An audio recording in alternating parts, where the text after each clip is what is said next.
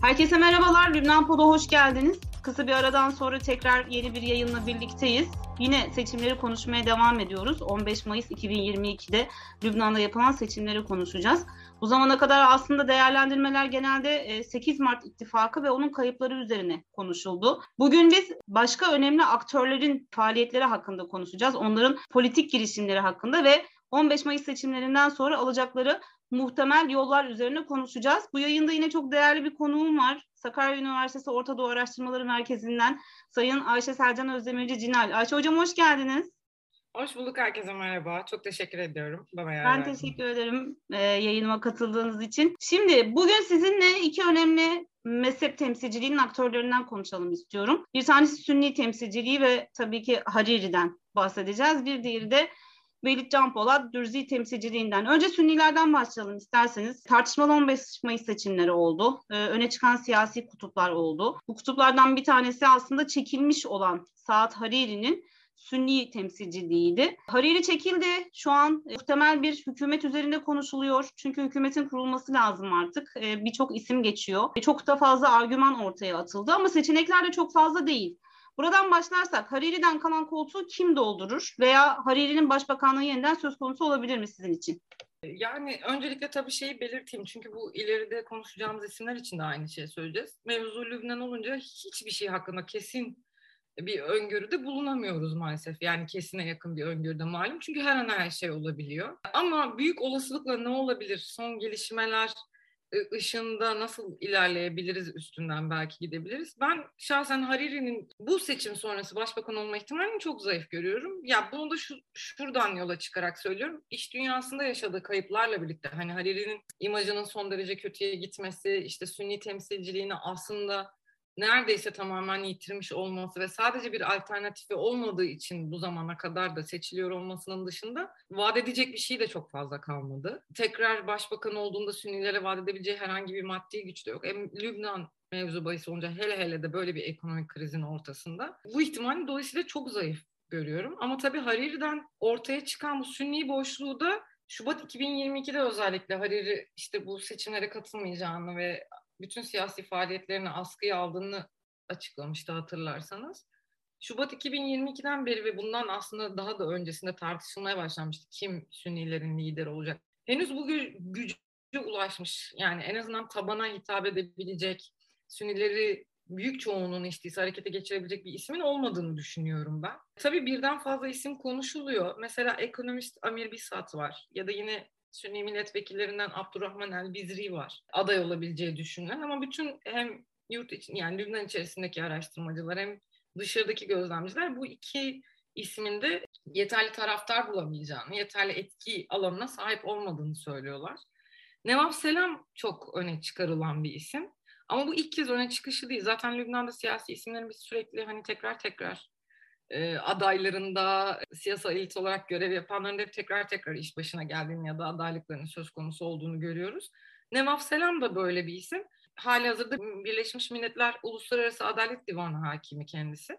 Ama yine hatırlayacağımız gibi 2019'da Hariri ilk bu istifa ettiğinde şey Ekim kalkışmaları, Ekim gösterileri başladığı zaman ilk istifa ettiğinde de yine Nevaf Selam'ın aday olabileceği açıklanmıştı. Hatta onun, onun adaylığını güçlü görenler çoktu. Fakat Hizbullah ve müttefikleri şiddetle karşı çıkmışlardı. Asla onların kabul etmeyecekleri bir isim.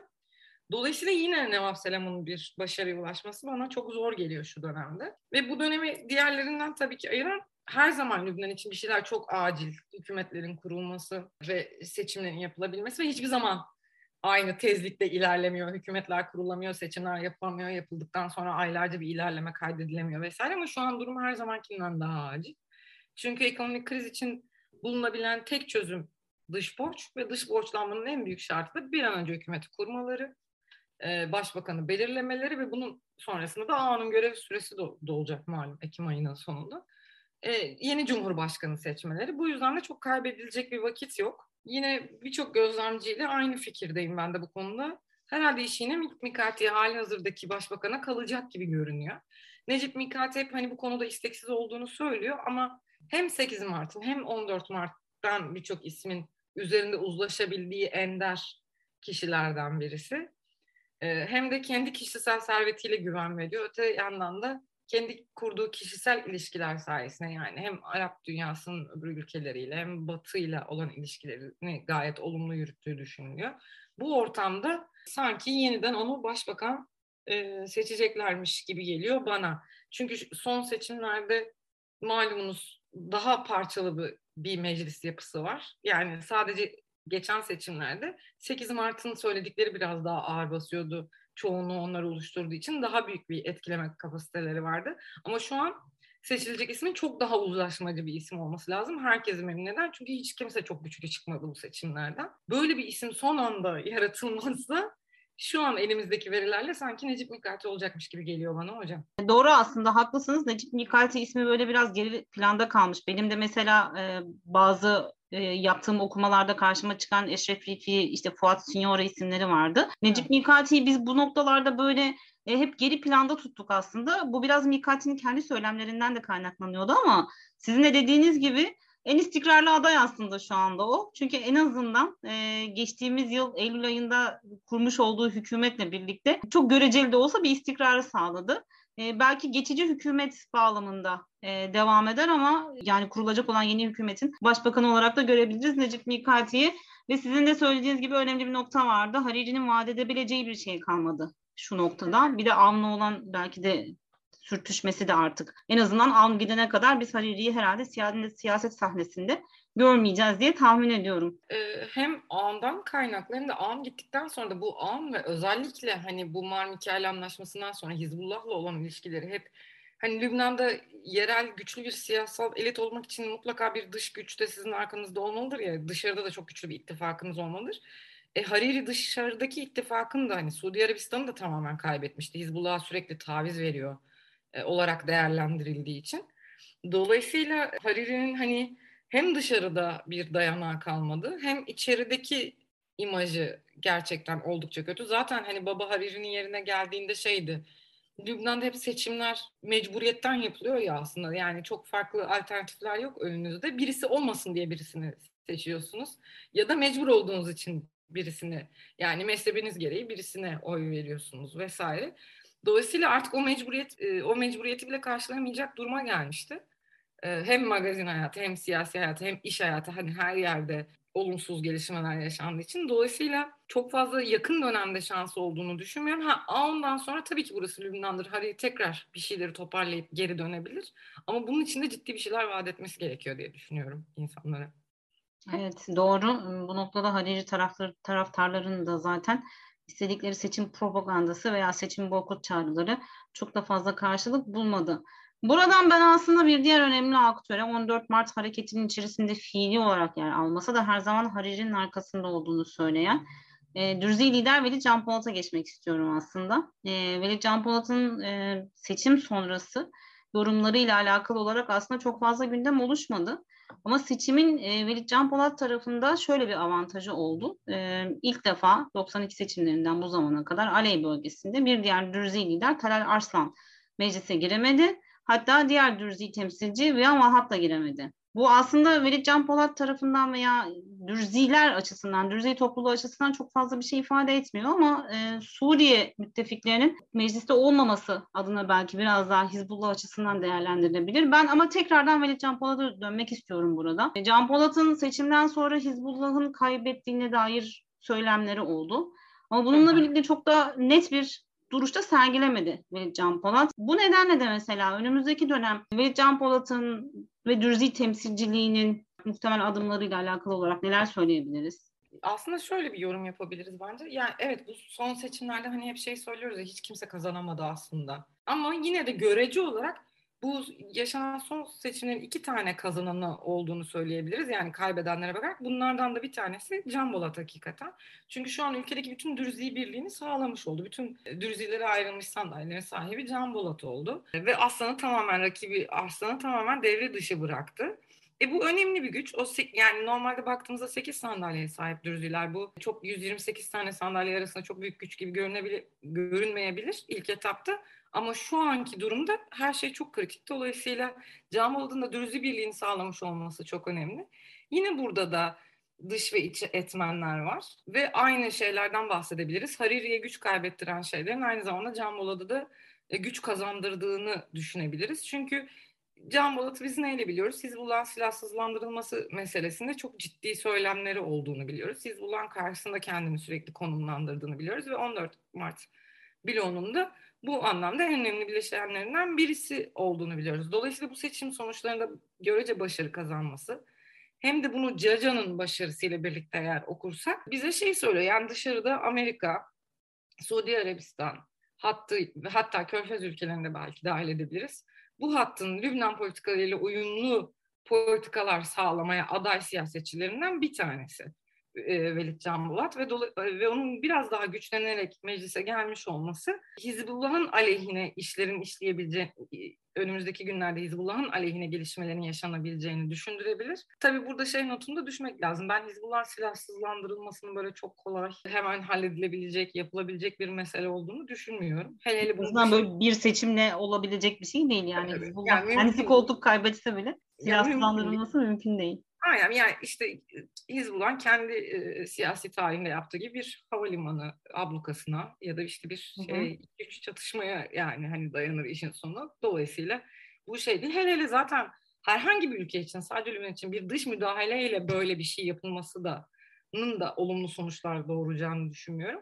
Ama son tahlilde yani Can Bulat'ın görece yine seçimden karlı çıkışını biz eğer Caca ile vesaire birlikte okursak en azından Lübnan'da biraz daha e, Batı'ya ve Suudi Arabistan'a daha yüzü dönük bir e, çeşit politikaların izlenebileceği iyi sinyalleri alıyorum. Bu da aslında yine bir seçim değil. Yani Lübnan'ın şu an mecbur kaldığı bir şey. Çünkü çok hızlı bir şekilde sıcak para bulması gerekiyor. gerekiyor. Ve bunu sağlayabileceği makam çok belli. E, sağlayabileceği dış ilişkiler çok belli. Dolayısıyla e, seçim sonuçları da buna hizmet ettiği gibi görünüyor şimdilik diyebilirim. Evet. Yani IMF'le birlikte dediğiniz gibi e, Körfez'den gelecek olan yatırımlar da artık e, 2016'dan bu zamana kadar e, süre gelen o yaptırımlar ve Körfez'in yatırımlarını kesmesi Lübnan'ın e, ekonomik olarak gerçekten çok büyük çöküşe uğramasına sebep olan nedenlerden bir tanesi. E, ve gerçekten de söylediğiniz bu anlamda çok doğru. Seçim belki tümüyle olmasa da bir noktada yöne doğru evrilmeye başladı. Buna doğru biraz hizmet etti. Peki şöyle de bir şey söylemek istiyorum. Bu seçimlerle birlikte belki biraz daha görünür oldu ama e, Velid Can Polat ve Lübnan güçleri Samir Caca arasındaki ittifak. Bu ittifak vardı aslında. Yani e, bu seçimle ortaya çıkmış bir ittifak değil. Ama seçim biraz daha bunu görünür kıldı ki biz e, iç savaşta birbirine karşı savaşmış iki bloktan bahsediyoruz şu anda. Can Polat'ın güçleri ve e, Lübnan güçleri Samir Caca'nın adamları iç savaşta birbirlerine karşı çok çetin mücadelelerde bulundular ama politika tabii ki çok farklı bir şey. Şimdi bu önümüzdeki dönemde özellikle işte Ekim'deki Cumhurbaşkanlığı seçimleri ve kurulacak olan yeni hükümet çerçevesinde Can Polat ve Lübnan güçleri arasındaki bu ittifak e, ülkedeki Sünni, Dürzi, Maruni ilişkilerini ne anlamda etkiler? Nasıl bakalım bu tabloya? Şey konusunda çok haklısınız. Evet bunlar iç savaşta iki birbirisiyle çatışmış ve çok ciddi kanlı çatışmalardan bahsediyoruz grup. Ama hani Hizbullah'la e, Özgür Yurtsever Hareketi'ne yani işte eskiden Michel, Cumhur, şu anki Cumhurbaşkanı Michel Aoun'un başında olduğu sonra damadı Cibran Basil'e devrettiği Özgür Yurtsever Hareketi'ne onlar da karşı saflardaydı birbirine. Ee, ama Marmikay'da bir araya gelip 2006'da anlaştılar ve dolayısıyla şey çok da güçlü bir ittifak oluşturdular. Yine benzeri bir e, ortak çıkar tabanında bir birliktelik görüyorum ben burada.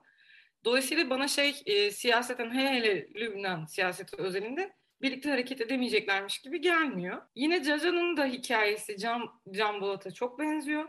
Az önce söylediğim gibi bu seçimlerden hani hiç kimse karlı çıkmadı ama görece kazançlı çıkan iki isimden bir tanesi Samir Caca. Ama bunun nedeni kendisi Caca olduğu için ya da çok böyle alternatif, gerçekçi, somut bir şey önerdiği için değil bence. Daha çok an olmadığı için, basil olmadığı için kendisi ve özgür yurtsever hareket olmadığı için. Yani işte yıllardır Hizbullah'la birlikte hareket eden 8 Mart bloğunun bir bileşeni olmadığı ve bu bloğun bileşenleri çünkü biliyorsunuz ekonomik krizden ülkedeki bütün siyasiler sorumlu tutuluyor. Ama esasen Hizbullah nedeniyle e, ve Hizbullah'a duyulan tepki nedeniyle ülke dışından duyulan tepki nedeniyle çok fazla sınırlandırmaya maruz kaldı, baskıya maruz kaldıklarını ve daha çok ekonomik kayıp yaşadıklarını düşünüyor insanlar. Dolayısıyla bu aslında 8 Mart bloğundan olmadığı için daha fazla güçlenmesine yol açıyor bence Samir Caca'nın. Ve bunun ötesinde de yine bu Lübnan kuvvetleri ile Hizbullah arasında hatırlıyorsunuz Ekim'de şey olmuştu, bir silahlı çatışma olmuştu. Ve e, yine hem Hizbullah lideri Nasrallah hem de Samir Caca böyle iç savaş hayaletini salıp çünkü Lübnan'da siyaset eylemenin en kolay yollarından birisi insanlara bakın yeni, yeniden iç savaş gelebilir bize muhtaçsınızı hatırlatmak sürekli liderlerin yaptığı. Ve orada aslında ilk başta böyle e, medyadan takip ettiğimiz sanki Nasrallah'ın eli daha güçlü gibi görünüyordu açıklamalarıyla vesaire daha e, kuvvetli basacak gibi görünüyordu ama öyle olmadı. Bu iş uzun vadede yani seçimle de gördüğümüz daha doğrusu orta ve uzun vadede Samir Caca'nın işine yaradı hem de Aun lehine işine yaradı. Kurdukları ittifak nedeniyle de Özgür Yurtsever Hareketi'nin güç kaybetmesi aynı zamanda Hizbullah ve Emel'in de zayıflaması anlamına geliyor mecliste. Çünkü hiçbirisi tek başlarına bir şey oluşturamıyorlar. Çoğunluk oluşturamıyorlar. Özellikle anayasal sistem gereği zaten Şiiler istedikleri kadar desteğe sahip olsunlar. Yani ifade ettikleri gerçek bile olsa e, eninde sonunda elde edebilecekleri tek koltuk e, meclis başkanlığı koltuğu bu isminde 30 yıldır sahibi beni. Dolayısıyla bir ittifaka ihtiyaçları var. Bu noktada işte Hristiyan ittifaklarını kaybedecek olmaları Hizbullah'ı zayıflatabilecek şeydi. Caca bu aşamaya geçmiş oluyoruz. Yani e, bir Maruni ittifak olmadan Hizbullah'ın o de facto hegemonyasını ülkede sürdürmesi e, çok uzun vadede mümkün değil. Yani en azından daha tavizkar bir politika izlemek zorunda. Yani her istediğinde hükümeti durduramayacak, işlemleri askıya alamayacak ya da kabine düşüremeyecek duruma gelecek. Bu an bence Marunilerin de zaten vermeye çalıştığı mesaj bu. Çünkü Basil'den ve Ağam'dan inanılmaz derecede şikayetçiydi Maruni halkı. Ve hani sadece siz, sana bağımlı değiliz diyerek aslında tam karşılarındaki bir adayı desteklemiş oldular. Dolayısıyla e, bu hem Hizbullah ve Emel'i dolaylı yoldan zayıflatacak bir hamle gibi geliyor bana. Hem yine az önce konuştuğumuz gibi aslında bir şekilde o ihtiyaç duyulan acil yardımlara ihtiyaç duymanın bir yolu. Çünkü bu sorunların hiçbirisi hemen hemen yani Lübnan'da kısa vadede çözülebilecek sorunlar değil ama en azından daha ılımlı isimlerle sanki bu sorunlar çözülüyormuş imajı yaratılarak ihtiyaç duyulan yardımlar alınabilir.